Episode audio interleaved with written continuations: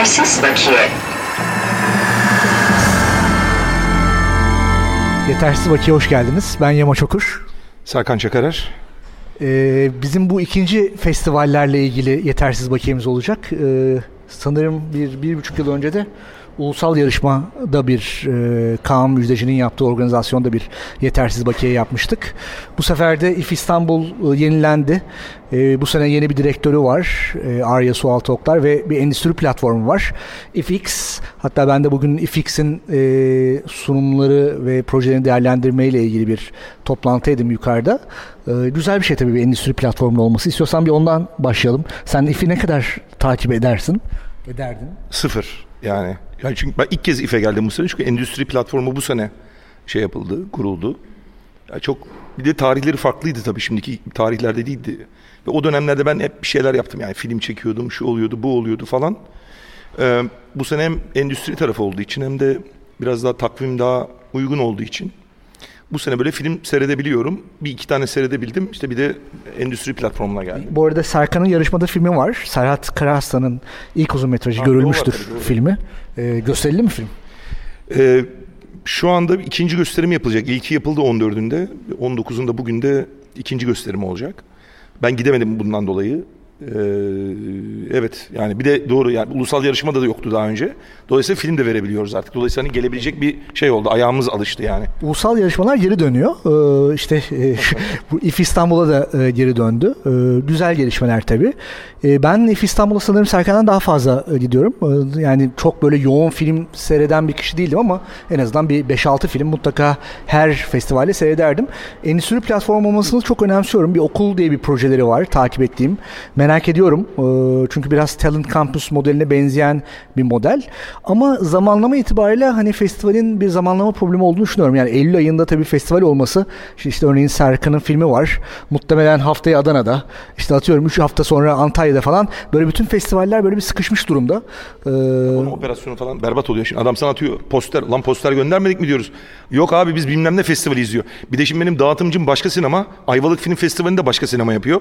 Dolayısıyla adam ya bu adam benden vizyonla ilgili bir şey mi istiyor yoksa festivalle ilgili mi bir şey mi istiyor? O Canan bilmem neydi Pınar bilmem ne gibi birbirine karıştı yani bütün Cananlar, Cerenler, Pınarlar. Öyle biraz operasyon şeyi var tabii. Biz bir de bağımsız yapımcılarda bu işleri biz kendimiz yaparız. Ya biz arayan insanlar bizim yaptığımızı düşünmezler. Zannederler kızım şunu gönder. Halbuki biz gönderiyoruz onu yani. Hani böyle yabancılara söyleyemiyoruz mesela. Aa işte söyleyelim laboratuvara düzeltsin diyoruz. Aslında biz yapıyoruz aslında sponding yani yamaç gibi ben de öyle yapıyorum. Benim ilk yıllarımda şeydi işte biz Bulut Film diye bir şirketimiz vardı. Epey bir film yaptık. Şimdi benzer şirketlerde en az 6-7 kişi çalışıyor. Yapımcının altında bir asistanı, atıyorum bir pazarlama departmanı, festivaller departmanı falan ayrı mailler olurdu yanıt vermek için. Halbuki tabii tek, tek, tek, tek, kişi bu. Tek bir de şöyle komik bir şey var. Mesela ortak yapım yaparsınız.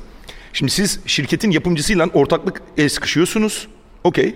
Aradan bir zaman geçiyor. O kadının asistanıyla da sen muhatap olmaya çalışıyorsun. Çünkü onun bir asistanı var. Senin yok. Sen koysan da yani o asistanın yaptığı işi burada yapacak bir asistan, o level'da bir asistan da yok. Sonra bir üçüncü adamdan da o da hani ya Serhat Bey gelecek uçak biletini alacağım diyor. Siz dolayısıyla şirketin bütün silsilesini bir tek çaycısını tanımıyorsun. Hani oraya gidip de adamların ofisinde kalmadıkça. Öyle bir şey. Burada biraz one man show durumu vardır bizim. Ya karşıda bütün CEO'dan en küçük asistana kadar herkesle muhatap olursunuz. Oradaki insanların hepsi de sizi tanır. Dolayısıyla süper bir network yapıyorsun abi. Yani o çünkü o juniorlar sonra ileride büyüyorlar, yapımcı oluyorlar, bilmem ne oluyorlar falan.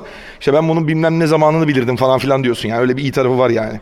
Ee, şimdi burada ödül alırsa Adana'da gösterilemiyor mu film? Serkan Arslan'ın Ya filmi. gösterilecek ama hani yarışma olarak değerlendirilmeyecek. Yani işte ödül almayacak yani. Peki e, senin filmin de vizyona giriyor. Ee, ne zaman giriyordu? Yarın. Evet, bir de o var tabii onu da söylemedim. Yarın da vizyona giriyor film. Öyle bir saçmalık. E, Emin Alper'in filmi Kız Kardeşler bir sanat filmi için e, rekor sayılabilecek bir e, gösterim kopyasıyla sanırım 120'ye yakın 115 küsür 115 tane e, sinemada girdi. E, ilk hafta da ilk hafta sonu 10 bine yakın bir izleyici elde etmiş. Totalde de demek ki bir 50-60 bin seyirciye falan gelecek. E, görülmüştür ne iş yapar? Yani ben aslında filmin böyle çok box office yapmasını öte biraz yani konuşulmasını, seyredilmesini istiyorum. Çok çünkü yani box office ilgili çok plan yapmak Türkiye'de şu anda çok mümkün değil yani. Yani bir sürü sebebi var onun. Ama ben hani bir takım e, insanlar seyretsinler, konuşsunlar, etsinler diyorum. Yani belki vizyon çıktıktan sonra da konuşulmaya devam edilebilir. edilebilir. Çünkü belli şeyleri olan bir film o. Yani bizim o filmi yapmamızın da bir manası var. Bütün seyircinin, izleyicinin vesairenin yapacağından ötürü. Dolayısıyla ben bir en azından insanların haberi olsun gitmesinler. Mesela ben haberdar etmeye çalışıyorum insanları şu anda yani o aşamadayız. Ama yani şimdiye kadar 3 pardon 4 tane festivale gittik. Yani iki tanesi Türkiye'de, iki tanesi yurt dışında. Gittiği bütün festivallerden mesela bir ödülü bir şey falan oluyor ve ilginç geliyor insanlara yani içeriği vesairesi. E, otantik geliyor ya da bilmiyorum yani. Siz ama Hürköle gibi vizyondan çekilmeyi düşünmüyorsunuz değil mi? ee, bir Allah aşkına anlat. Bozkır ve Hürköle diye iki tane film var. Oscar'a başvurdu e, Haziran ayında. Aynı yönetmenin e, firmaları. Feza Film. Mehmet Tanrısever yanlış hatırlamıyorsam. O adam tencereci değil miydi ya? Bile, bilemiyorum. Çelik tencere üreticisiydi adam. Ben biliyorum onun eski şeyini. Bilemiyorum fakat şöyle bir Abdullah'ın yapımcısı bu adam. Şöyle adam. şöyle bir haber okuduk. Ee, film 11 günde 1600 kişi tarafından e, seyredilmiş. E, yalnız 52 tane ödülü var filmin. Ee, hani PR bültenlerinde falan da var. Ee, sonra da iki tane bir tane daha film var Hürköle diye. O filmin de 58 tane ödülü varmış. Ama vizyona çıkmaktan vazgeçmiş. Ya şöyle bir basın bülteni olur mu ya? Bak, okuyorum. 81 finalde 52 ödül toplayan film Bozkır 10 günde 1600 kişi izleyince yönetmen diğer 58 ödüllü filmi Hürköle'yi vizyona girmeyeceğini duyurmuş diye haber var abi yani. E, bu ödüller de bu arada e, bununla ilgili birkaç yazı çıktı belki siz de görebilirsiniz. İşte atıyorum şeyler aylık festivaller var. Gidiyorsunuz, para veriyorsunuz. 100 dolar katılım payı. İstediğiniz kadar ödül alabiliyorsunuz. Yani herhangi bir filminize ödül almak isterseniz aklınızda olsun. Böyle 100-150'ye kadar ödül almanız mümkün. Yani bunun da böyle bir şey çıkmış, suyu çıkmış. Borsası var yani evet. Borası çıkmış. Biz şimdi bugün e, hani böyle bir haftanın olaylarına girdik. E, bu arada böyle bir sonunda da bir soru yanıt yapmak istiyoruz. Kalmak isteyen olursa böyle bir yaklaşık 45-50 dakikalık bir program e, yapacağız. E, konsept biraz ilk filmler e, yönetmenlerin keşfi olduğu için şu anda IFX kapsamında biz de o konsepte ne yapabiliriz diye düşündük ve aklımıza kendi ilk filmlerimizi yapma maceralarımız geldi. E, Serkan rahmetli Ahmet Uluçay'ın Karpuz Kabuğundan Gemiler Yapmak. Ben de rahmetli Seyfi'nin e, tatil kitabı e, filmlerin maceralarını ya biraz tatsız espri olacak ama yani hani rahmetli insanların filmlerinden yaşlandığımız ortaya çıkıyor böylece yani. Biraz öyle bir zamanlı olmuş. Evet. Çok zaman geçti. E, yıllarda e, Karpuz Kabuğundan Gemiler Yapmak 2002 e, prodüksiyonu. E, tatil kitabı da 2007 prodüksiyonu. Çıkış yılları seninkinin iki yıl sonra sanırım. Evet. Benimkisinin bir yıl sonra. İstiyorsan Karpuz Kabuğundan Gemilerle Yakmak'ta başlayalım. İkisinin de ilginç hikayeleri var. E, Ahmet Uluşay'ın tek filmi ne yazık ki. Kendisini kaybettik. Seyfi de iki film yaptı. Seyfi'nin de ilk filmiydi. Bir anlat İFR e, ana yapımcı şirket. İFR böyle bir enteresan bir model o dönemler için. Şu anda yok mesela İFR'nin karşılığı bence. İstisnai bir... felaketler ve rezaletler hani diye bizim şeyde yaptığımız şeylerimiz olmuştur ama evet yani bir şeyi yok. Yani bir benzeri şu anda yok tabii ki. E, reklam şirketi orijinli bir şirket. Yani reklamın e, yoğun patladığı zamanlarda aslında reklamdan iyi paralar kazanmış benim bildiğim kadarıyla. Evet. Ama vizyon olarak da yönetmenleri, sinema yönetmenleri e, olan e, bir şirket olduğu için bir sinema departmanı kurmaya karar veriyor galiba. Bir anlatsana nasıl bir... Anlatayım. Ya şimdi aslında e, dün de burada bir panel yapıldı ve burada hani mesela BKM vesaire falan da bir işte ana akım yapımcıyken işte böyle bir bağımsız film yapmak gibi böyle bir şey yapıldı. Şimdi benim anlattığımız zaman hani benim mesela ben ona itiraz ediyorum çünkü. Niye itiraz ettiğimi işte bütün bu yetersiz bakiye bittiği zaman anlayacaksınız. Çünkü aslında model tam da doğru bir model değil o söylenen model. Şimdi İFR şöyle bir yer yani tam yamacın dediği gibi e, o zamanlar Türkiye'de sinema destekleri falan filan yok. Bakanlık desteği yok. Ya bir tek Öğrenmaj desteği var. Bunun dışında Türkiye'de başka bir sinema ile ilgili bir hiçbir kaynak yok. Dolayısıyla bunlar sinema yapmak isteyen böyle dört tane entelektüel insan işte. İçinde yönetmenler de var, yapımcılar da var. E ya biz film yapmak istiyoruz nihayetinde. Kaliteli filmler yapmak istiyoruz. Aynı zamanda da böyle hani seyirciye de ulaşan filmler yapmak istiyoruz. Ama finansmanı nasıl yapacağız? Ve bunun üzerine de hani reklam yapalım. O zaman çok para kazanılan bir çünkü dünya. Reklamı da sinema finansmanı olarak kullanalım. Aslında fikir bu. Ee, benim şirkete katılmam böyle 2000 yılında falan oldu. Ee, o zamanlar onlar e, bir film yapmışlardı zaten. Yeşim Ustaoğlu'nun Güneşe Yolculuk filmi. Ya ben ne yapacağım peki burada dedim. Ya biz film kendimiz dağıtacağız dediler. Çünkü film kimse dağıtmak istemiyor dediler. İşte içeriğinden dolayı. İşte Güneydoğu'ydu, Abdullah Öcalan o zaman işte tutuklanmış, gözaltına alınmış sonra tutuklanmış, cezaevine konmuş falan filan.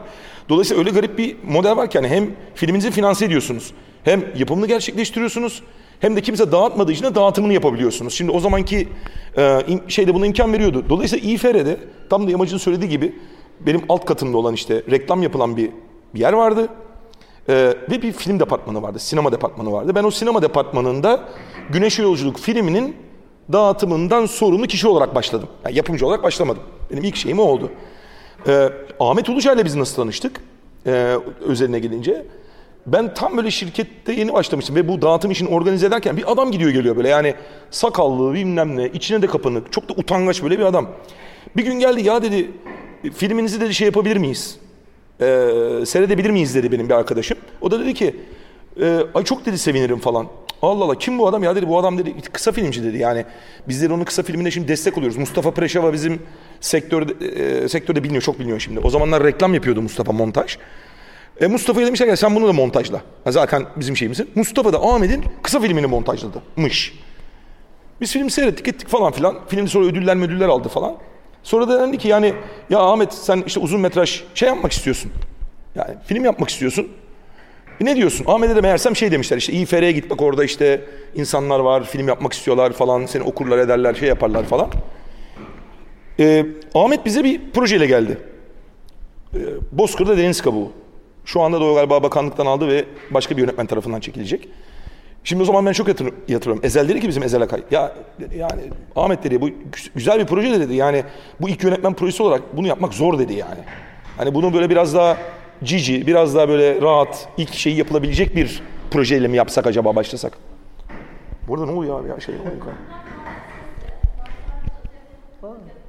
Ne varmış? Tam martı sesi diyecektim ben. Karga diyecektim aslında. Martı. Neyse. Eyvallah. Eyvallah. Hüşt mü dedi? Ne dedi? Martı sesli yetersiz bakiyemiz olmamıştı. Vallahi. Hamamda yaptık. Hamamda yaptık. Parklarda falan çok yapıyoruz. Ee, işte oradaki şey şu oldu. Ahmet'e biz bunu söyledik. Ya biraz da zaman da kazanırız dedik. Abi adam 5 gün sonra senaryoyla geldi. Abi aha yazdım diye. Okuduk. Karpuz kabından gemiler yapmak. 26 sayfalık bir senaryoydu. Ve hani aslında her şey de öyle başladı. Yani biz okuduk, çok sevdik. Ve dediğim gibi şöyle bir model yani abi bunda bir bütçe yapmamız lazım. E dediğim gibi hiçbir finansman yok vesaire yok ve şirket dedi ki yani biz bunu finanse edelim. Bir bütçe çıkaralım. En azından prodüksiyonu yapacak e, kadar ne yap, ne kadar bir paraya ihtiyacımız var ve bir ekip toplayalım dedik. Yani aslında bir Ahmet'le tanışmamız bu şekilde oldu. Bir kısa filminin yapımı ile ilgili destek olundu. Geldi, etti vesaire yaptı. İşte senaryo getirdi. O senaryonun doğru bir ilk film olmayacağını söyleyip aslında bir anlamda şirketin böyle çok ciddi de aslında ve o filmin yapılmasına böyle bir dolaylı da katkısı oldu aslında. Şimdi düşündüğün zaman onu görüyorsun. Ahmet 26 sayfalık senaryoyla geldi tabii ki ama biz onu böyle bayağı işte hani oturduk. Ya hiç şöyle bir o şöyle geldi bu arada da. Onu da söylemem lazım. Sonra sana vereceğim mikrofonu. Sen de kendi şeyini başladın.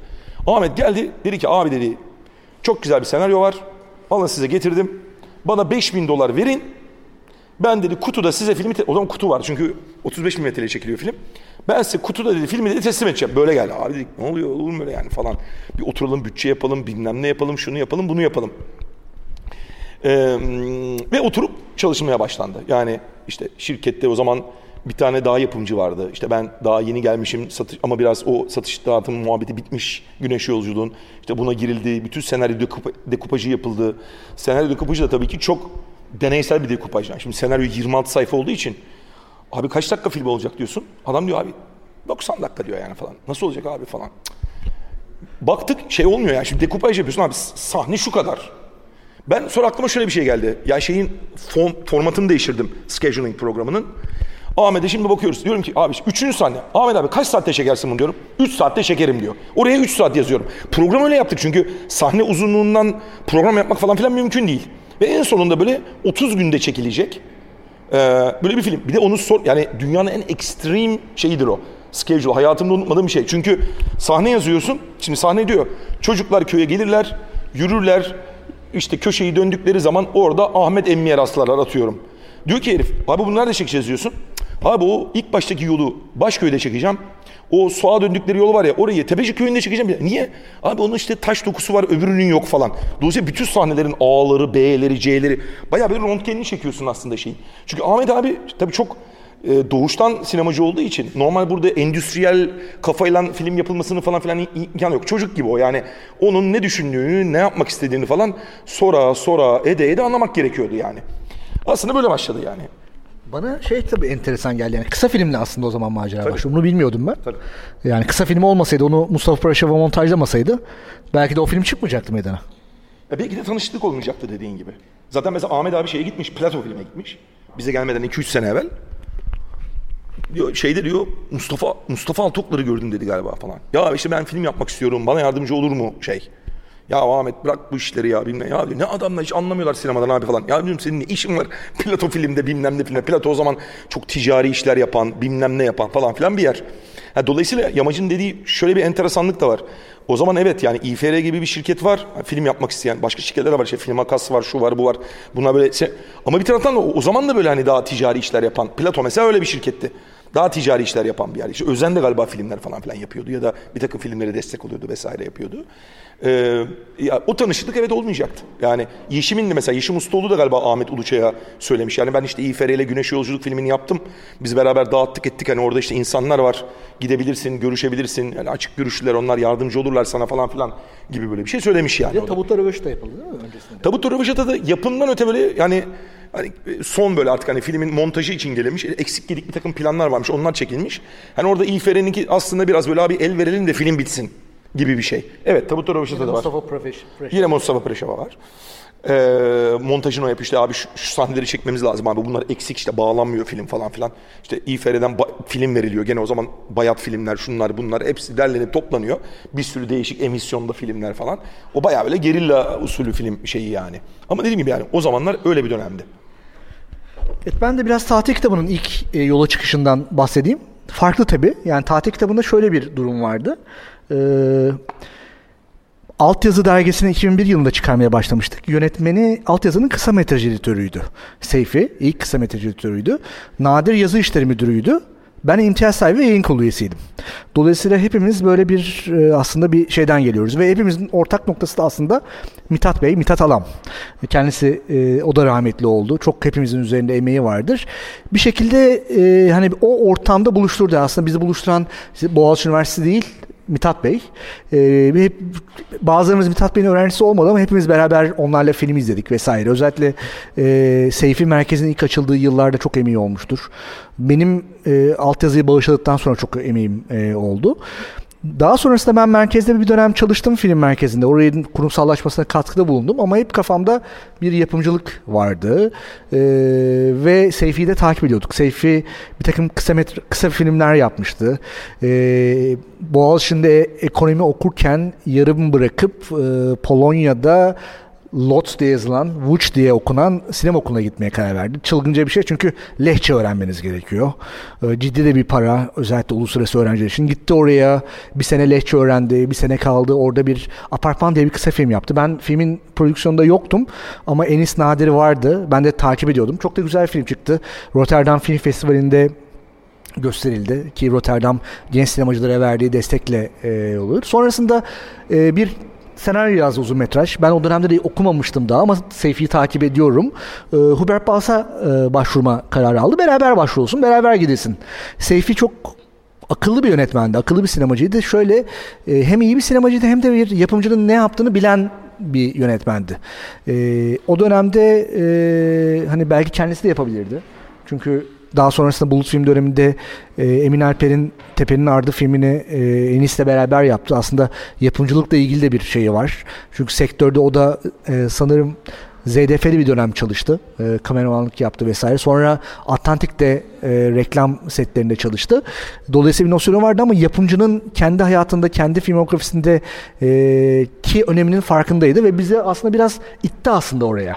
Ve doğal olarak böyle e, Nadir'le ben Bulut filmi kurmaya karar vermiştik. Seyfi doğal orta haline geldi ve böyle bir e, Seyfi, Nadir, ben bir şirket kurduk. Sanırım 2006 sonlarındaydı.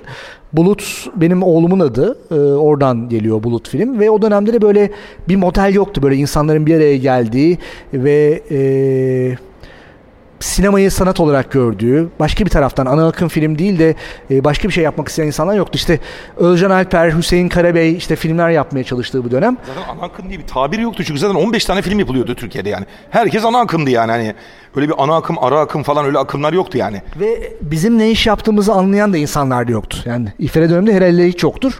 Ya benim karım da işte ne bileyim eşim de ailem de yapımcı ne yapar falan akla hep finansman geliyor tabii aklı olarak yani. Halbuki bizim yaptığımız şey finansman bir parçası sadece bakıldığında. Dolayısıyla doğal bir seçim oldu.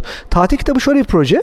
Bence çok iyi bir ilk film projesi. Doğru bir ilk film projesi. Hem yönetmen açısından hem yapımcı açısından. Bir kere Seyfi'nin çok iyi bildiği bir ortam. Ee, yaz aylarında tatil geçirdiği bir kasaba Silifke. Ee, ben hiç bilmiyordum. Ee, Seyfi sayesinde tanıdım.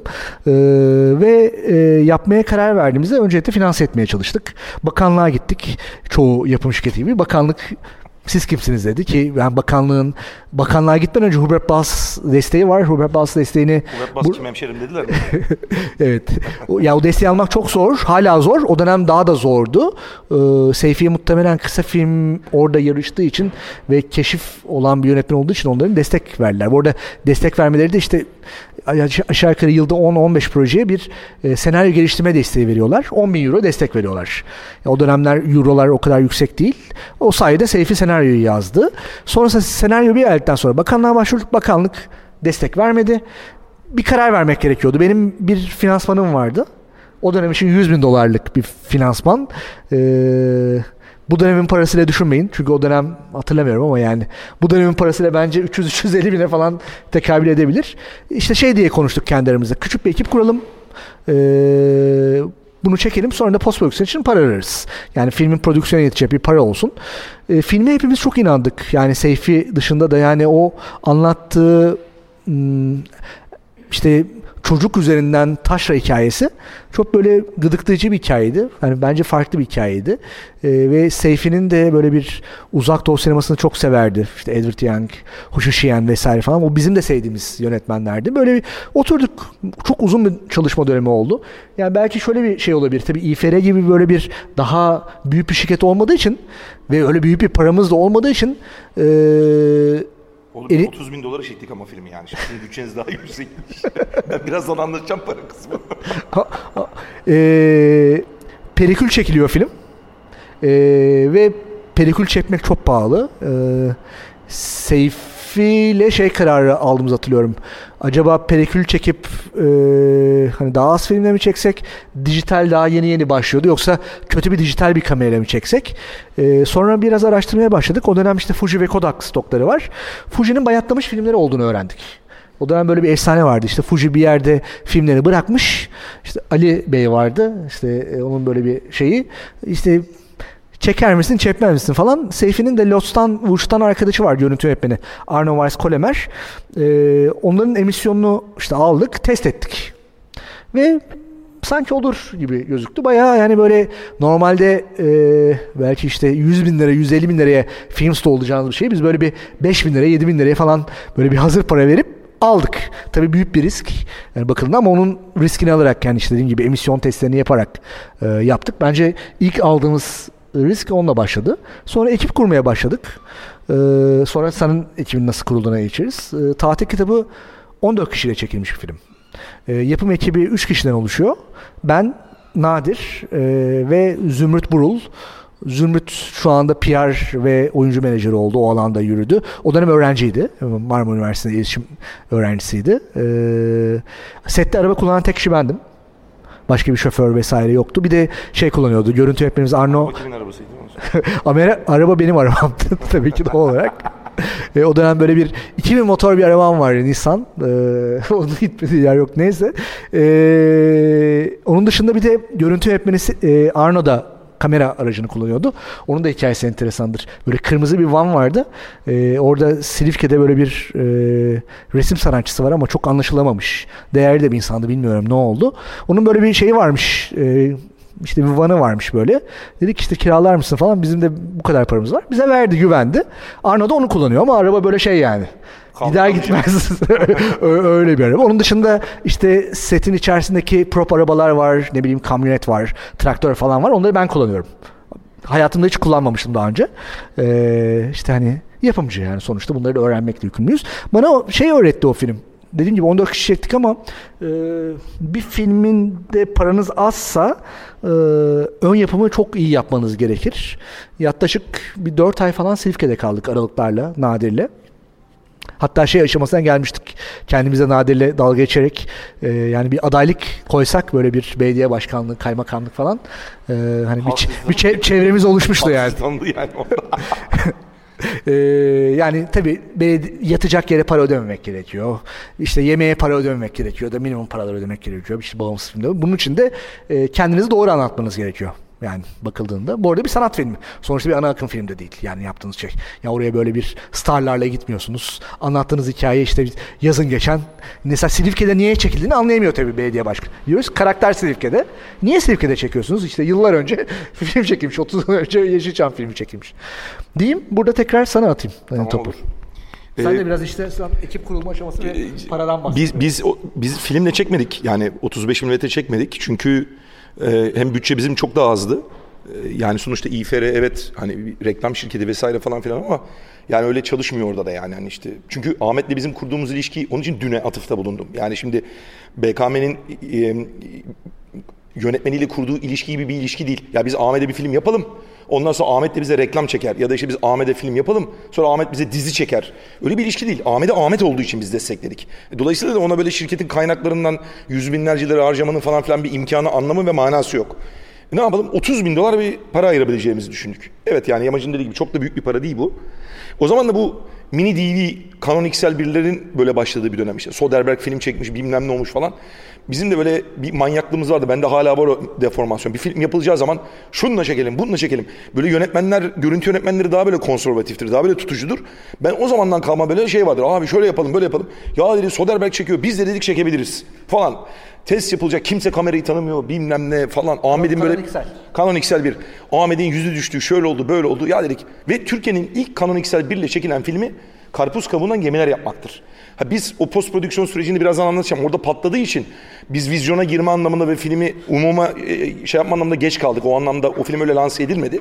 Ama fiili olarak Türkiye'de hiç kimsenin çekmediği bir teknolojiyle çekmeye karar verdik. Tamam görüntü yönetmeni gibi abi Allah aşkına bari dijital betakamla çekelim. Hayır dijital betakam ne kardeşim işte. Soderbergh bununla çekiyor bilmem ne bununla çekiyor. Biz böyle o havalardayız. Ama dediği gibi yani yamacım biz de çok iyi bir hazırlık yaptık işte. Bütün bütçeler, dekupajlar, şunlar bunlar falan. Ekip de şimdi bizim Ahmet abi şey bir adam yani. Sizde kaç kişi bir ekip vardı? O tip bizim de 15 kişi falan filan. Ahmet abi de böyle yani çok alakasız şeyinde bir adam olduğu için ya bu adamın etrafında tanıdığı adamları koyalım biz yani. Şimdi bilmediği adamlar bu sefer gidecekler. Şimdi adam garip bir adam çünkü yani. Şimdi bir noktadan sonra öyle bir ego çatışmasında ulan bu herif bunu bağlayamaz. Ne çekiyor bu ne oluyor? Şimdi Ahmet çünkü garip bir adam gerçekten. Dolayısıyla Ahmet'i Ahmet olarak tanıyan seven, eden, bilen dediğini yapacak, dinleyecek ama biraz orayı da derleyip toparlayacak yani. Çünkü sonuçta da böyle bir açık uçta bir prodüksiyon yapılmıyor işte imkanlar belli. Böyle bir ekip kuruldu. Hatta o kadar az para var ki yani görüntü yönetmeni İlker'di yani kulakları çınlasın. İlker'e biz o kadar az para verdik. Çok az bir para veriyoruz. Filmin bir sahnesinde Steadicam kullanılması gerekiyor. İlker aldığı parayla Steadicam kiralıyor. Bütün parayı oraya veriyor. Zaten o kadar para vermişler ama. Ne yapayım abi film bari iyi gözüksün yani bizim de filmimiz falan diye. Kostümcü, kostümcü, arkadaşımız, prodüksiyoncu, reji hepsi arkadaş, eş dost. Böyle bir imece usulü yani aslında.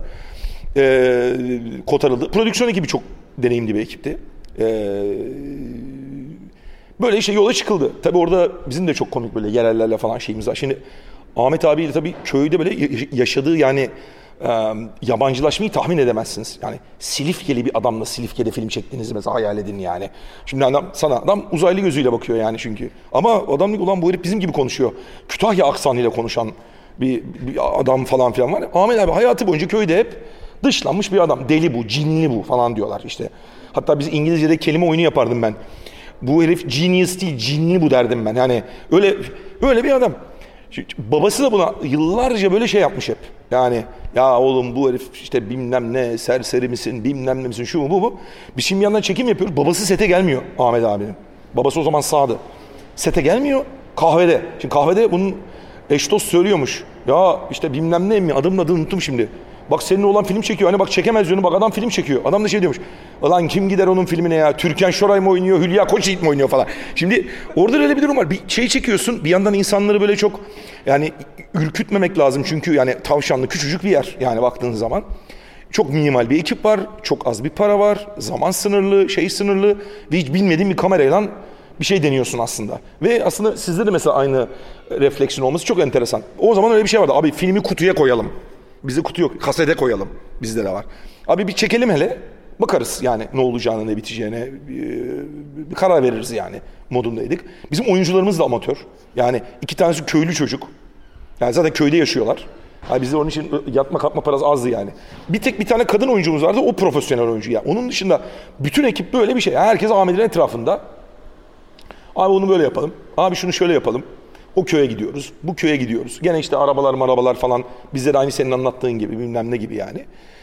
Ee, e bir, ya başka türlü yapmanın imkanı yok o zaman onu yani. O zamanın şartlarında da birazcık böyle bir muhabbet vardı. O zaman hani şey diyemiyorsun. Gidelim işte en iyi görüntü yönetmeni kim onu getirelim. En iyi sanat yönetmeni kim onu getirelim. En iyi ya o, o kafayla bu filmleri yapmak gerçekten yani o zaman da mümkün değildi bence yani. Çünkü biz mesela bazı böyle baya, baya büyük adamlara da gittik. Yani görüntü yönetmeni tanıdığımız. Ya abi şimdi bu adam diyor ben bu adamın diyor hani şeyini engellerim. Yani görüntü yönetmeni öyle diyor mesela şimdi alırım ben şöyle yaparım böyle yaparım. Şimdi bu adam başka bir şey yapmak istiyor diyor. Biraz da hani kaçmak için öyle yapıyorlar da çünkü köye gidecek orada şey olacak. Şeyde kalmıştık biz de orada böyle linyit işletmeleri vardır Tavşanlı'da. E, linyit işletmelerinin yatakhanesinde kaldık biz de. Bizi orayı tahsis ettiler falan filan böyle işte 10-15 kişilik böyle bir şeyle falan filan. Benim mesela harika bir şey anım var. Yani bunu anlatmam lazım. O zaman Serdar Tahiroğlu var işte filmde yapımcı olarak şey alan. Ben de aslında Serdar'la beraber çalışıyorum. Ben daha böyle junior gibiyim o daha senior gibi. Setten bize bir haber geldi. Abi işte şimdi para yok çünkü. Para olmadığı için ekipman lazım oldukça buradan gönderiliyor. Hatta insanlar bunu bilmez ya bak tarih yazıyorum burada. Biz Şelale filmi yapılıyor o zaman. Şirket öbür filmini yapıyor. O da büyük bir film. Şelale'den gelen kostümleri ben Esenler Otogarı'nda alıyorum. Başka bir kolye koyup Ahmet Uluçay'ın setine gönderiyorum. Yani o kadar yani böyle kostümler bile iki filmde böyle ortaklaşarak kullanılıyor. İşte onlar kuru temizlemeye konup falan filan şey Neyse bir gün dediler ki ya burada iş hava patladı. Bilmem neyi çekemeyeceğiz. Öbür sahneyi çekeceğiz. Evet. Bu butterfly şeyler var ya ışıklar, eşyamaylar. Onlardan lazım göndermeniz. Biz de onu hani oraya baştan gönderememişiz. Lazım olduğu için. Serdar beni aradı. Ya Serkan dedi hemen gidelim dedi. Şeyden ben dedi şeyi sen al. O ışığı işte arabayla geldi. Bir tane Kartal Station Wagon dandik bir Kartal araba vardı. Şirketin de kötü arabası bize kalmış yani. Ondan biz Harem otogarına gidip otobüse vereceğiz abi ışığı. Ama bu sandık gibi bir şeyin içinde durur. Onun böyle bir case'i öyledir. Altı böyle tekerlekli falan filan bir şey. Abi biz hareme geldik. Harem olmuş. Şey asker uğurlama törenlerinden dolayı alaya dönmüş. 14. harem alayı. Binlerce insan var. Yüzlerce otobüs var. Yolda gidiyoruz trafik var. Yanında böyle kışla var. Arabadan adamlar sarkıp kışladakilere şafak kaç bilmem ne diye bağırıyor. Tam böyle bir milliyetçiliğin cüşü huruşa geldiği böyle bir ortama düştük biz. Millet birbiriniz havaya atıyor, bilmem ne atıyor, üzerinize adam düşüyor gibi oluyor. Kenara çek otobüsleri sallıyorlar. Abuk sabuk bir ortam var. Abi otobüs geldi. Biz bekliyoruz. Otobüs iki buçuk saat rotar yaptı bu arada. Biz Harem'de şeyiz. Bekliyoruz otobüs gelecek diye. Otobüs geldi. Abi bizim HMI sığmadı otobüsün bagajına. Bu arada ben otobüsün bagajına sığdırmaya çalışıyorum şeyi. Otobüs üzerime doğru gidiyor geliyor benim böyle. Serhat, Serdar diyor ki oğlum çık oradan üzerine otobüs seviye. Öbür taraftan askerler sallıyorlarmış şeyi. Asker uğurlama töreni var. Ama böyle anormal böyle bir marşlar bilmem neler cartlar curtlar yürüyüş kararı saymalar yani anormal bir dönem yani. E dedik kardeşim bu arabaya sığmıyor biz ne yapacağız? Abi dediler bir sonraki araba gelecek. O kaçta? Gece saatleri 3 arabası. O normalde 1'de 3'te gelecek. E, o dedi Mitsubishi araba dedi, minib şey dedi, otobüs. Onun bagajı daha geniştir dedi. Ulan dedik 3'e kadar bekleyeceğiz de şimdi o otobüs gelip Serdar dedi ki abi ben böyle alırım dedi kahve mahve bilmem ne falan. Atarım dedi arabanıza da bagajına sen gelme istiyorsan ben dedi Kütahya'ya arar giderim abi dedi. Biz böyle 3'e kadar bütün o askerler bağırtılar çağırtılar. Öbür araba geldi. Öbür arabayı hakikaten sığdırdık biz onu. Yani yaklaşık o yani Operasyon sabah akşam saat 8'de başladı. Sabah 5'te bitti. Biz bir tane dandik ışık gönderiyoruz şeye. Yani filme güya yani. Ve ertesi günde geri geldi. Çünkü bir günlük kiralamak üzere anlaşmışız adamlarla falan. Ama işte o zaman asker uğurlamalar falan filan bitmişti. Onu almak o kadar problem olmadı yani. Ertesi gün alındı falan filan. E böyle yani ekip aynen senin dediğin gibi yani. No name, amatör, hayatında çoğu adam ilk set. Mesela ben şey hatırlarım yani orada mesela kostüme şey rejiye yardım eden bir çocuk vardı. Ya Serkan abi ya beni kamera asistanı yazabilir misin? Benim için önemli. Ben kamera asistanı olmak istiyorum dedi. Tamam anam dedik ya ne ayıp ediyorsun ciğerim dedik. Herifi kamera. Adam da sonra ben yıllar sonra başka bir filmde kamera asistanı olarak çalıştım. Ya adamı sektöre ben soktum yani. yani öyle falan komiklikler oluyor tabii yani. Onları falan tamam diyorsun yani. Generic, title falan. Onlar gırla yani zaten. Benim ekipte aslında hani bizim ekip kurulurken Arno Vaz Kolemer görüntü yönetmeni o çok Seyfe inanıyordu, proje inanıyordu. 2000 euro gibi bir para vermiştik. E, Focus Puller Tufan'dı. Tufan Kılıç görüntü yönetmeni oldu şu anda. Meryem Yavuz e, Loader'ıydı. O dönem işte 35 metrenin Loader vardı. O da görüntü yönetmeni oldu. O kadar bir ekip vardı. Işık şefi yoktu. İki tane ışıkçı vardı. Dolayısıyla kamera ekibi 5 kişiydi. Ses kayıtçısı İsmail Karadaş'la çalışmak istemiştik. İsmail abiye gittik. İsmail Karadaş ses kayıtçısıydı. Özkan Coşkun, Coşkun boom operatörüydü. O da ses kayıtçısı oldu. iyi bir ses kayıtçısı. İnanılmaz bir şey. Boomer vardı yani. Tabii tabii vardı. Ee, sanat yönetmeni aynı zamanda kostümcü ve makyajcıydı. Nadide Argun. Sonrasında ilk sanat yönetmenliğiydi. Sonrasında epey bir film e, yaptı. Star is Born. ee, bir de bizim tabii karakterlerden bir tanesi e, Silifke'li, Silifke'de geçtiği için böyle bir amatör bir oyuncu oynatmıştık. Tek bir amatör oyuncumuz vardı. Diğerlerinin hepsi profesyoneldi. Hani o tarafta biraz daha farklı. Şöyle bir şey başımıza geldi sadece. E, filmde böyle bir ailenin hikayesi çocuğun üzerinden anlatılıyor. E, bir kadın oyuncuyla anlaşmıştık. E, setin de üçüncü haftası. Onun da dört günlük falan bir seti vardı. E, ben de havalimanına karşılama ettim. Tek şoför ben olduğum için işte devamlı karşılamalar vesaire falan gidiliyor. Çıkmadı havalimanından. Yarın da seti var e, oyuncunun. Yani. Gelmedi. Ben de arıyorum. Yok. Yani kaput yani telefon. Ee, ondan sonra ertesi gün aradı menajeri. Gelemiyor. XXX. Biz tabii böyle bir şey olduk yani nasıl yani sözleşme vesaire falan hani film yapılıyor bu kadar hani şey risk atıyorsunuz. evet. ee, yine ön yapımın e, yani hazırlanmanın faydaları biz o dönemde Adana'dan e, ve oralardan çok Mersin'den yerel kaslar yapmıştık. E, o dönemde yaptığımız kaslardan bir tanesi de Ayten Tökün'dü. Filmde de oynayan oyuncumuz. Anneyi oynayan oyuncu. Çok da iyi bir oyuncu. Bence çok daha e, katkılı oldu. Bu da hani o dönem bana şey öğretmişti. Yani mutlaka bağımsız film yaparken B planı, C planı olması lazım. Çünkü başımıza geliyor hep e, hani bunlar. E, onun dışında filmde bir jeneratör vesaire falan tabii o tip şeyler yoktu bilmiyorum. Sizde var mıydı jeneratör? Jeneratörümüz yoktu. Jeneratör ne ya? Jeneratör ihtiyaç yok ki abi ne yapacağız jeneratörü ya? Yükseldi tabii. Işık da ne yapacağız jeneratör? Bize ne, jeneratör? Biz, bize ne abi jeneratörden ya? Biz hani şeyden lambalardan devamlı ışıklar alıyorduk. Bu yüzden belediyeden devamlı o konuda destek alıyorduk. Bayağı elektrikle ilgili böyle bir e, te, o dönem işte oranın TEDAŞ'ı bir para ödemiştik. E, böyle bir hakkımız e, vardı. E, yemekler tabii en ciddi sıkıntı o tip yerlerinde. Yani catering alacak bir şey yok. Ben e, arada yemek de yapardım. Menemen yaptım hatırlıyorum sette. Gözleme yaptım hatırlıyorum. E, börek yapmışsın oklavayla. Onu anlat Allah aşkına. evet. evet oklamayla gözleme yaptım hatırlıyorum. Ekibe iyi bakardım. Ee, onun dışında Ramazan'a denk geldiği için böyle e, bol sıcak pide, çikolatalı, nutellalı falan pideler yediğimizi hatırlıyorum o dönemden. Silifke yemek açısından güzel bir yerdi. Bir lokantayla anlaşmıştık. Böyle ufak bir paraya Orada pilot bu arada hani bizim prodüksiyon bütçesinin çoğu da hani ekibi iyi e, ağırlamaya itmişti. Yani iyi yemek yesinler e, kendi içinde. içkimiz olsun set sonlarında falan. Yani oralardan mümkün olduğu kadar kaçınmamaya çalıştım. Ne bileyim işte e, otel odasında oyuncu gittiği zaman meyvasını bulabilsin. Belki çok para veremiyorum ama imkanlar doğru olsun e, diye e, düşünmüştüm. Tabi temel sıkıntı hani şeydi işte devamlı İstanbul'a film gidiyor yıkanması lazım falan. E, işte o film bayat iyi çıkacak mı falan onun bir stresi vardı. Telesine Bizde telesine o dönem tek ışık telesine yapılıyordu. Böyle çok kötü görüntüler şimdiki dönem gibi değil. Sonra da o tek ışık telesine üzerinden e, kurgu yapılıyordu. Fakat hani şeydi mutlu bir ekipti. Yani o dönemde e, çalıştığımız ekip sonrasında başka filmlerde de e, çalıştık. Hani böyle biraz e, sinemayı seven böyle bir kolej e, ekibi gibi. Başka türlü zaten yapılabilecek bir e, şey değil.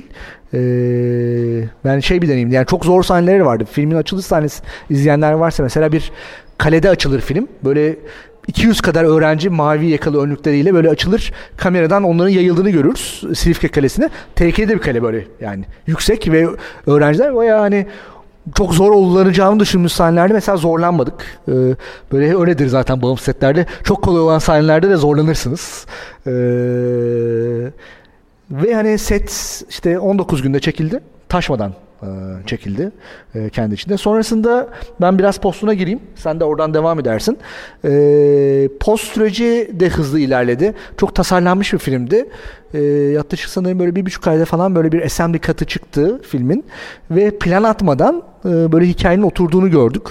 Eee işte yani tasarladığımız hikaye yani o kadardı. Yani böyle bir 90 yani sanırım ilk esenlik katı böyle 100 dakikalı falandı. Sonra da 90 dakikada e, kitledik. Çiçek Kahraman e, kurgucusu da.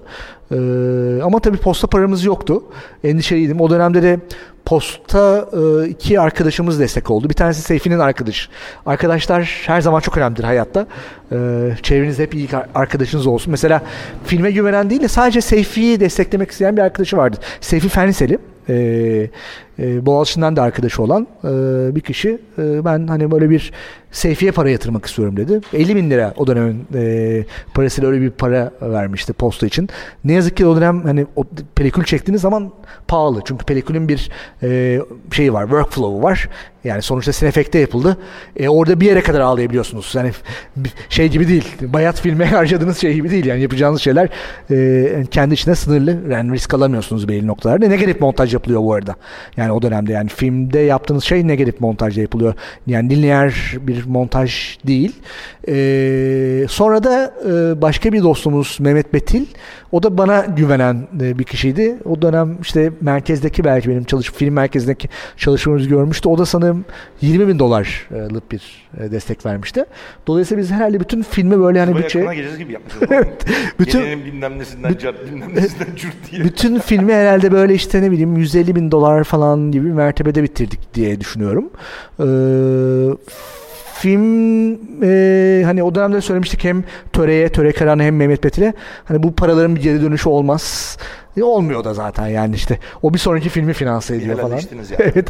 evet. E, sonra Mehmet Bey başka filmlere de destek oldu. Töre e, Töre'nin yatırdığı para daha sonra Töre bizim büyük çerçevemizde de destek verici olarak. Töre'ye öyle dedik. Yani Töre sen bu film verdin. Seni biz başka filmlerde de yapımcı olarak yazız. Çok yakın arkadaşımız. Sonrasında da arkadaşlarımız devam etti. Biraz şey gibi oldu. Yani o yatırdığım 100 bin dolarla biz 9 film yaptık aslında. Ben öyle bakıyorum olaya. Yani e, Seyfi gibi bir yönetmen e, kazandı Türk sineması. E, hani biraz hani parasal şeylere biraz öyle bakmak gerekiyor. Senin post süreci nasıl oldu? Benim post süreci anormal tabii yani. E, aslında Yamacın anlattığından tabii benim şey çok e, daha değişik çünkü e, dediğim gibi ben filme başladığım zaman ben filmin yapımcısı değildim aslında yapım yapan şirketin içindeki yapım ekibinden bir tanesiydim. Fakat şöyle garip bir durum oldu. Filmin çekimleri bitti. Ee, post prodüksiyon sürecine hemen girmeden önce daha montajla başlamamıştı.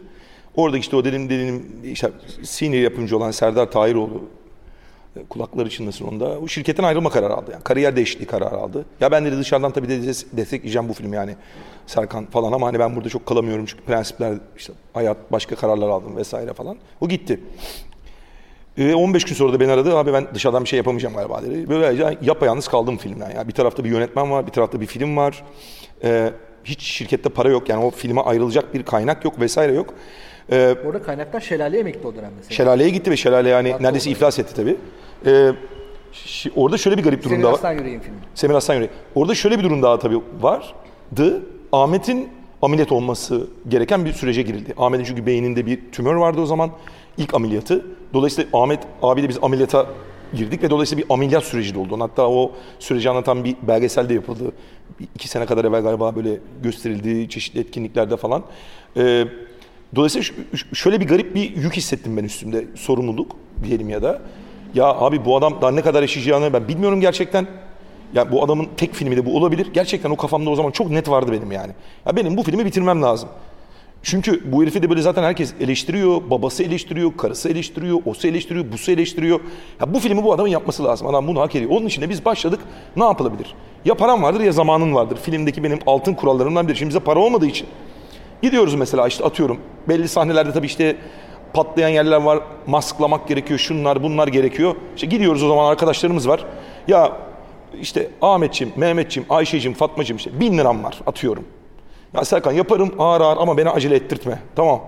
Ya şurada işte bir ağır çekim var. Ağır çekim yapamamışız. Becerememişiz onu.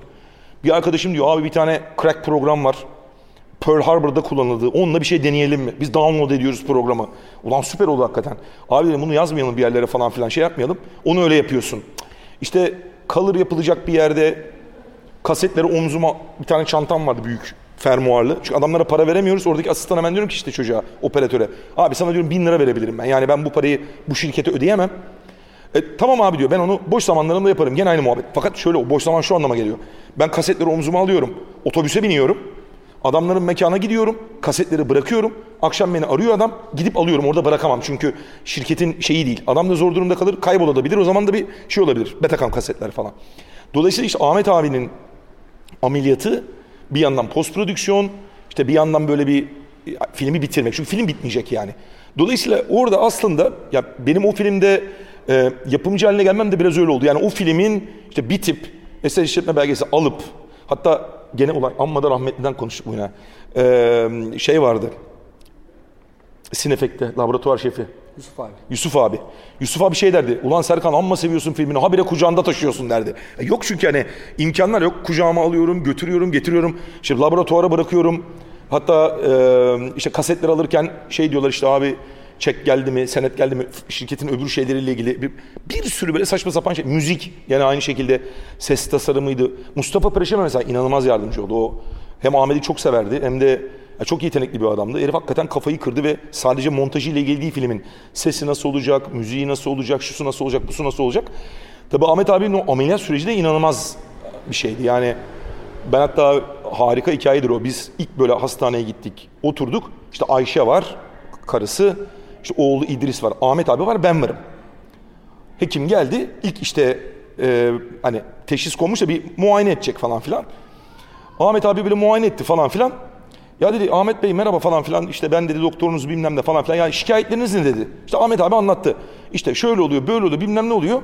Bir de arada bir dejavu duygusu geliyor bana dedi. Şimdi Ahmet abiden öyle bir cümleyi duyamazsın yani. Ahmet abiye baktığın zaman görünüşüyle, kılığıyla, kıyafeti, aksanıyla Kütahyalı bir adam. Yani köylü gibi görüyorlar adam aslında. Hatta şey derdi köylü yönetmen diye başlık atarlardı. Ben köylü müyüm lan ben köyde yaşayan yönetmenim deyin. Niye köylü yönetmen diyorsunuz diye bozulurdu. Ondan sonra adam bunun dejavu lafını duyunca döndü. Ya dedi şimdi çaktırmıyorum adamda. Ya Ahmet Bey ne iş yapıyorsunuz siz dedi. Ben dedi yönetmenim dedi adam. Ben orada anladım ki ulan bu filmi hakikaten bitirmek lazım. Şimdi adam filmi çektiği için yönetmenim diyebiliyor. Yani kısa filmleri zamanında o kadar böyle söyleyemiyordu. İşte o ameliyat oldu. Ameliyatın nekati inanılmaz uzun sürdü. Öyle olduğu için mesela Ahmet abi filmi bitirdikten sonraki o seyahatlerin bir kısmını yapamadı. Hatta bir ikinci ameliyat daha geçirdi sonra. Dolayısıyla bazı festivallere ben gitmek zorunda kaldım. Dolayısıyla da bir yapımcının normalde olması gerektiğinden çok daha fazla ben yapayalnız hani filmin postu, festivali, Ahmet abinin işte şeyleri, şunları bunlarıyla inanılmaz böyle bir e, bir, dönemdir o yani filmin başlangıcıyla bitişi. Hatta o kadar da komik bir durum ki İstanbul Film Festivali'ni ben aradım. Pardon İstanbul Film Festivali'nden Azize beni aradı. O zaman Hülya Hanım'dı başkan. Azize beni aradı. Serkan dedi senden de dedi film istiyoruz falan filan. Ben karpuz kabuğunu isteyecek zannediyorum. Dedi ki ya dedi e, ha evet falan ben de sizi arayacaktım başvuracaktım falan filan. Neredesin Firuze istiyorum. Şirket o zaman neredesin Firuze'yi yapmış. Firuze mi? Abi dedim bizim bir tane daha filmimiz var. Esas festivale dedim girecek film bu. Biraz festivale doğru girmiş oldum şimdi. Ee, esas girecek film bu. Kim o dedi ya ne o falan işte dedim karpuz kabından yönetmen kim Ahmet Uluçay. O zamanlar DVD yok. Serkan sen bize bir tane VHS gönder dedi. Biz duymadık hiç biz seyredelim bakalım iyisi alalım dedi. Şimdi ben de orada şöyle bir şey yaptım itiraf ediyorum yani bu şeylerde. Ben aslında filmin uluslararası yarışmaya da girmesini istiyorum. Ya en azından değerlendirilmesini de istiyorum. Çünkü sinema ile ilgili, şununla ilgili, hem bununla ilgili. Hem ulusal da açılsın. Evet. Ama o da mesela bilmemekten kaynaklı. O mesela hata aslında. Neyse gönderdim. Bir gün sonra beni aradılar. Abi dedi tamam biz şeyi de alıyoruz. Karpuz kabuğundan gemiler yapmayı da yarışmaya almaya karar verdik dediler. Güzel. O zaman da yarışmada şey var. İşte ne bileyim neredesin Firuze'yi almışlar hakikaten öbür filmi şirketin. İşte Zeki Demirkubuz var, Nuri Bilge, şey, Yeşim Ustaoğlu var, şu var, var. Bayağı sert de bir yarışma yani. Biz götürdük filmi verdik. Hatta filmi de şöyle götürdük. Ben kucağımda filmi aldım. Çünkü yani e, gene otobüsle falan gittim öyle hatırlıyorum. İndim aşağı caddede. Elimde böyle Louvre apartmanı vardı o zaman şeyin. E, İstiklal'de. Hı hı. İKSV böyle 35 milimetre e, şeyini götürdüm. Çünkü 35 milimetreye aktarttık bu arada biz. Çünkü o zaman şey imkanı yoktu. O mesela önemli bir detay. Filmin post prodüksiyonunda negatif kat falan filan yapmıyorsun. Ama film en nihayetinde bittiği zaman evet filmi 35 aktarman gerekiyor ki festivalde gösterebilesin. E, dolayısıyla elimize kutular işte bilmem ne. O da bayağı pahalı bir süreç tabii. O da pahalı bir süreç tabii. Ee, şey durumu böyle oldu. Yani post bizim çok uzun sürdü. Bence minimum bir buçuk sene sürdü. Belki daha fazla sürdü. Ya bütün işte o ses, şu, bu, parasızlık, pulsuzluk, işte Ahmet abinin sağlık problemleri falan filan. Yani şirketin içinde diğer filmlerle işte böyle bir ekonomik olarak sıkıntı olması, benim yapayalnız bir şey olmam falan filan. Ve hiç kimse yoktu gerçekten. Ben çoğu adamı aradan iki sene, üç sene geçtiği zaman İstanbul Film Festivali'nde beni aradılar. Filmin en iyi film ödülü aldı Serkan dediler. Akşam ödül törenine gel. Ben 3 senedir görmediğim adamları İstanbul Film Festivali'nin ödül gecesinde gördüm. Hiç kim... Bu da öyledir yani. Başarı olduğu zaman herkes başarıya sahip çıkar. Ama mühim olan böyle işte gemi böyle su almaya başladığı zaman da böyle biraz birisinin böyle şey yapması lazım. Yani ayakta tutması lazım bazı şeyleri. E, nitekim de başka film yapamadı mesela Ahmet abi. Yani sağlığı el vermedi çünkü. Adamın hakikaten tek filmi kaldı. Komik olan da şey şu. Yani bunu eleştirdiğim için söylemiyorum. İyi ki de öyle oldu yani ama e, bir sürü yerde şimdi o film kült film. İşte Ahmet Uluşay ödülü var, Ahmet Uluşay bilmem nesi var, osu var, busu var. O film yapılırken yapayalnız bir insan yaptı o filmi aslında. Yani dolayısıyla film yapımcısı ne yapar, ne eder dedikleri zaman yani sadece finansman, sadece proje bulma, sadece ekip kurma. Bazen de siz yapayalnız kenarda bir kutuda kalmış. Sonra ben iki tane de öyle belgesel yaptım. Kutuda üç senedir bekleyen iki tane belgeseli alıp çıkartıp bitirtip işte festivallere, festivallere bilmem neleri falan filan gönderecek hale getirdim. Bazen bunu da yapabilirsiniz ya. İlla böyle hani şey diye de düşünmeyin bunu yani işte para bulmam lazım, pul bulmam. Bunlar tabii ki önemli ama bazen parayla da çözülemiyor işler. Ya birinin böyle kendini adaması gerekiyor. Birisinin o işe gerçekten kafayı kırması gerekiyor. Tatil kitabının festival serüveni biraz daha farklıydı. Biz planlamıştık. Tabii daha şey bir ekip. İşte hem Nadir hem ben varım. E, zaten filmi çekerken böyle bir hedef vardı. Berlinale ve Rotterdam'ın 1 Kasım'da başvuruları vardı ve oraya filmi yetiştirmek üzere bir kurgu takvimi yapmıştık. Gerçekten de yolladık tam o takvimde.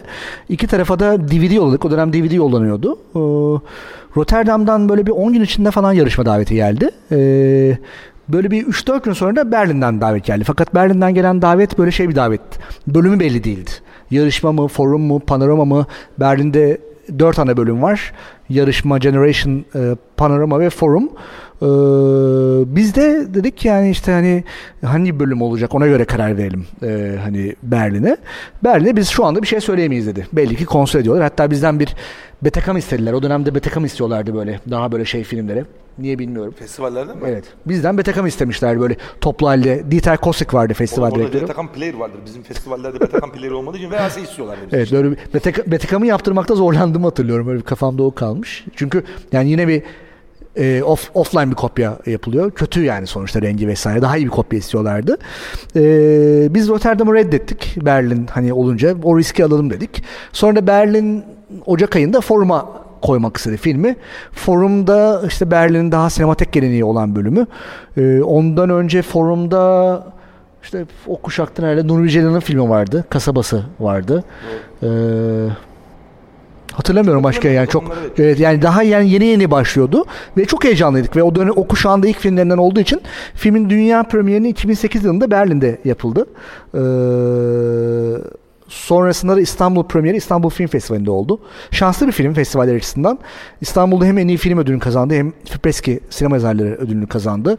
Ee, dolayısıyla zaten hani ödüller açısından bakıldığında hızlı bir şekilde aslında yatırdığı parayı ödüllerden geri almış bir film. Yurt dışı satışı e, e, White Management tarafından yapıldı. Böyle enteresan Luke Magneron diye böyle bir e, Cezayir kökenli galiba bir şey vardı evet. Ama çok ee, şey heriftir yani. Evet. Business wise demiyorum ama yani. Çok böyle yurt dışı satışlarından para yapmıyorum. Çok festivalde ulaştı. Çok ödül aldı yani yurt dışı tarafında. Türkiye'de ama şöyle yani festivaller göreceliğini anlatmak için İstanbul'da jüri başkanı Semih Kaplanoğlu'ydu. O dönem İstanbul Film Festivali 5 kişilik jüriler yapardı. İkisi yabancı olurdu mutlaka. Evet. Öyle bir kuralı vardı ve mutlaka iki yönetmen olurdu falan. Böyle daha sinefil e, jüriler oluşturuldu. Mesela Dimitri Epides'ti mesela yabancı şey. Selanik.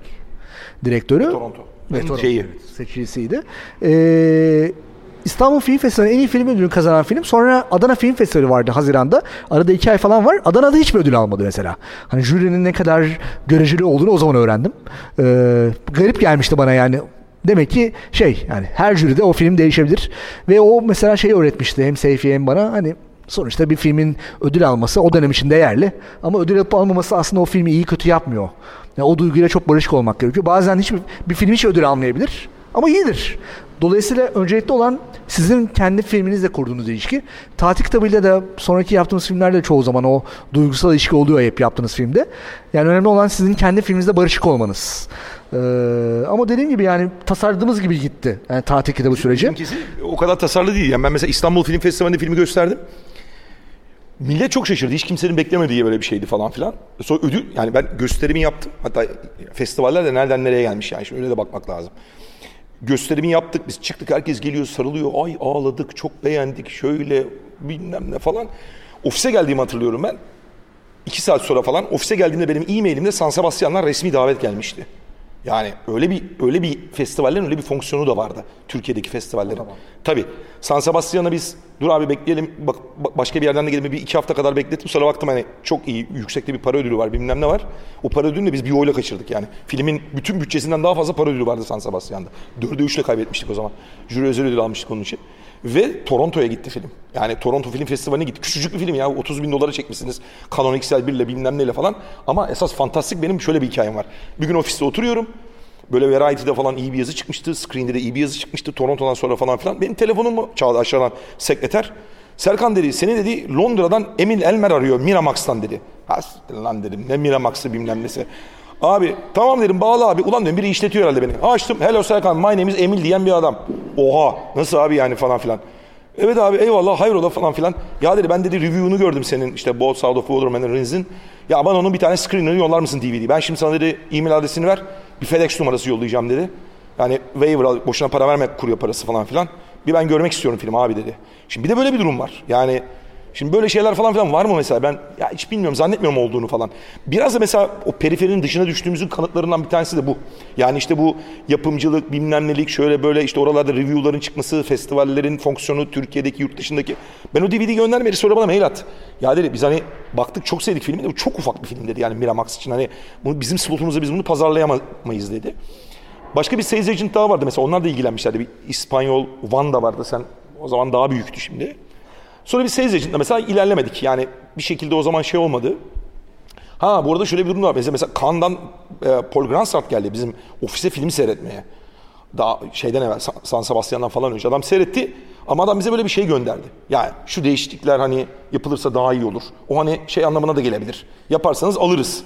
Tabii Ahmet abi böyle bir adam değil yani asla değiştirmek etmek yok abi yani biz çok o kafada değiliz yani bizim amacımız kana gidelim de ne olursa olsun modunu ya bu adamın bu artık şeyi gibi yani vasiyeti gibi bir şey. Yani biz buna dokunmak istemiyoruz. Dediğin hatalar, eksiklikler, kusurlar, tercihler, şunlar bunlar vardır ama öyle gitmeyeceğiz biz dedik yani. Bir öyle bir muhabbet olmuştu. Dolayısıyla o film çok festivale gitti. O festivallerin bir sürüsüne de ben gittim. Normalde bir yapımcı o kadar festival gezmez. Ben bir sürü ödül aldım, sahneye çıktım. Çünkü Ahmet abi seyahat dolayısıyla şey yapamıyordu.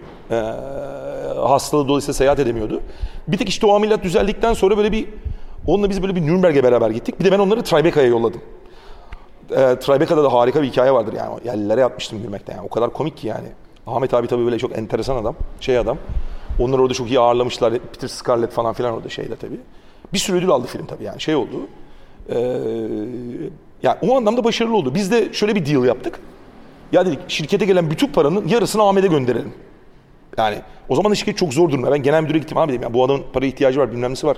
Bir şey yapmamız lazım yani adam sinemayla yaşıyor falan. Abi gelen her bir liranın yarısı. Ahmet abi biz bir ev alalım dedik. İşte ona böyle bir tavşanlıdan falan bir ev alındı. İşte bir peşinat verildi, edildi. Biz işte para gönderiyoruz, şöyle oluyor, böyle oluyor falan filan.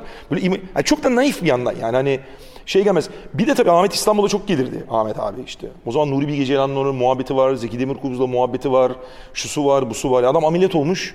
Hastaneden çıkarttık. İdris'i aradım ben. Oğlum neredesiniz? Abi Firuze. Lan ne işiniz var Firuze'de oğlum? Gidin eve oturun diyorum yani. Adam ya abi adam işte sohbet etmeye geliyor diyor. Seviyor diyor buraları diyor falan filan diyor.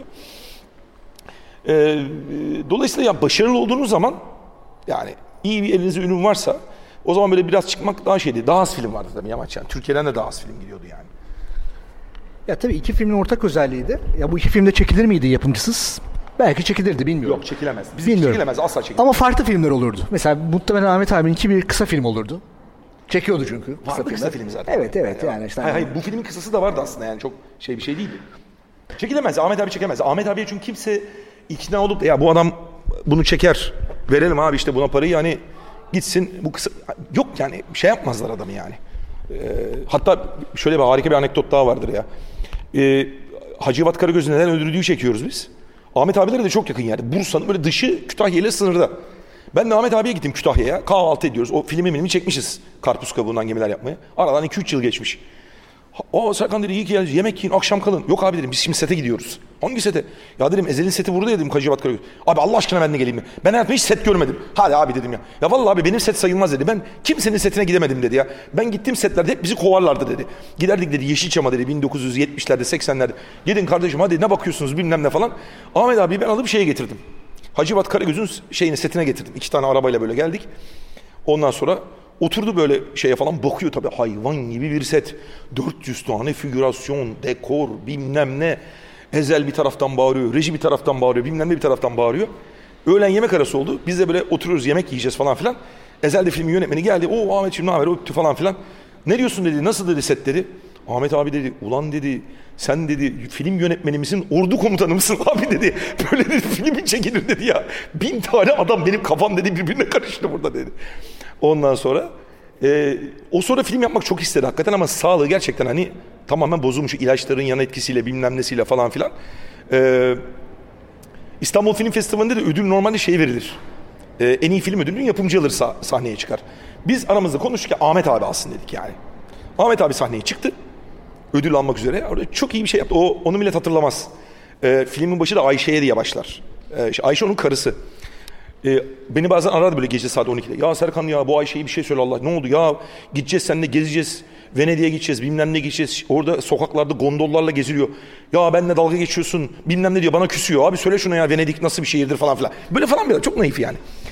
Ödül töreninde eline aldı şey mikrofonu Ahmet abi. Dedi ki ya dedi ben bu dedi filmi yapacağım diye dedi benim çoluğum çocuğum sefalet çekti, açlık çekti, o çekti, bu çekti. Benim karım olmasaydı dedi yani benim evim hocam yıkılırdı. En büyük yönetmen benim karımdır dedi. Ödül de karısına ithaf etti orada. Filme de öyle yazdı. Çok güzel hikayedir yani. Bizim de tatil kitabı sonra Seyfi'nin ikinci filminin hikayesine yol açtı. Filmin içerisinde bir sakız sahnesi vardır. Sakız saçına yapışır. O Seyfi'nin Barış Bıçakçı'nın bir hikayesinden esinlenerek yazdığı bir sahneydi. Ben de Seyfi'ye şey dedim yani Barış'la tanışalım. O tanımıyor Seyfi de. O, okuru. Ee, ben okudum kitaplarını. Çok enteresan, iyi bir yazar. Barış'la tanıştım. Gittim. Biraz da ulaşması zor bir kişi. Cep telefonu yok falan. Hala yok adamın. Yani e, gerçekten şahsı münasır. Çok değerli bir yazar. E, gittik. Onun böyle bir pastaneleri vardır Ankara'da. E, oturduk. E, dedim böyle böyle işte senin bir e, hikayenden bir seyfi bir şey kullanmak istiyor. Şaşırdı. Çünkü normalde hani esinlenilmiş bir şey yani sakız falan. Çok sevindi öyle bir şeye. Sonra dedim ki Seyfi senin kitaplarını çok seviyor yani. Şu kitabı yapsak olur mu dedim. O dönemde de Seyfi bana başka bir kitap söylemiş aslında.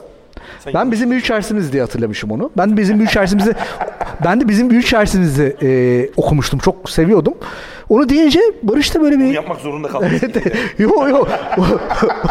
o, o kadar değil. Sonra çok yakın olduk. Hepimiz böyle bir heyecanlandık. Yani aslında tatil kitabı sonra hani Seyfi'nin ikinci filmine de yol açtı.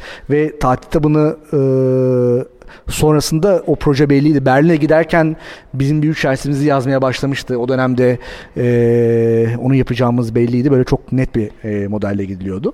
Bu arada Serkan Yetersiz Bakiye'nin bir saatini doldurmuşuz. Bir saat iki dakika. Belki soru varsa merak eden bu süreçle ilgili. şeyi söyleyeyim. En başında söylediğim şey onu kapatayım o parantezi ben. Ya tam da bu sebepten dolayı dün söylediğim gibi yani bağımsız filmler böyle yapılıyor.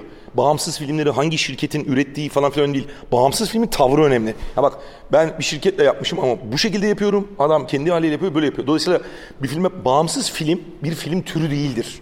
Yani bir filmin seyirci sayısı az olduğu zaman bağımsız film olmaz.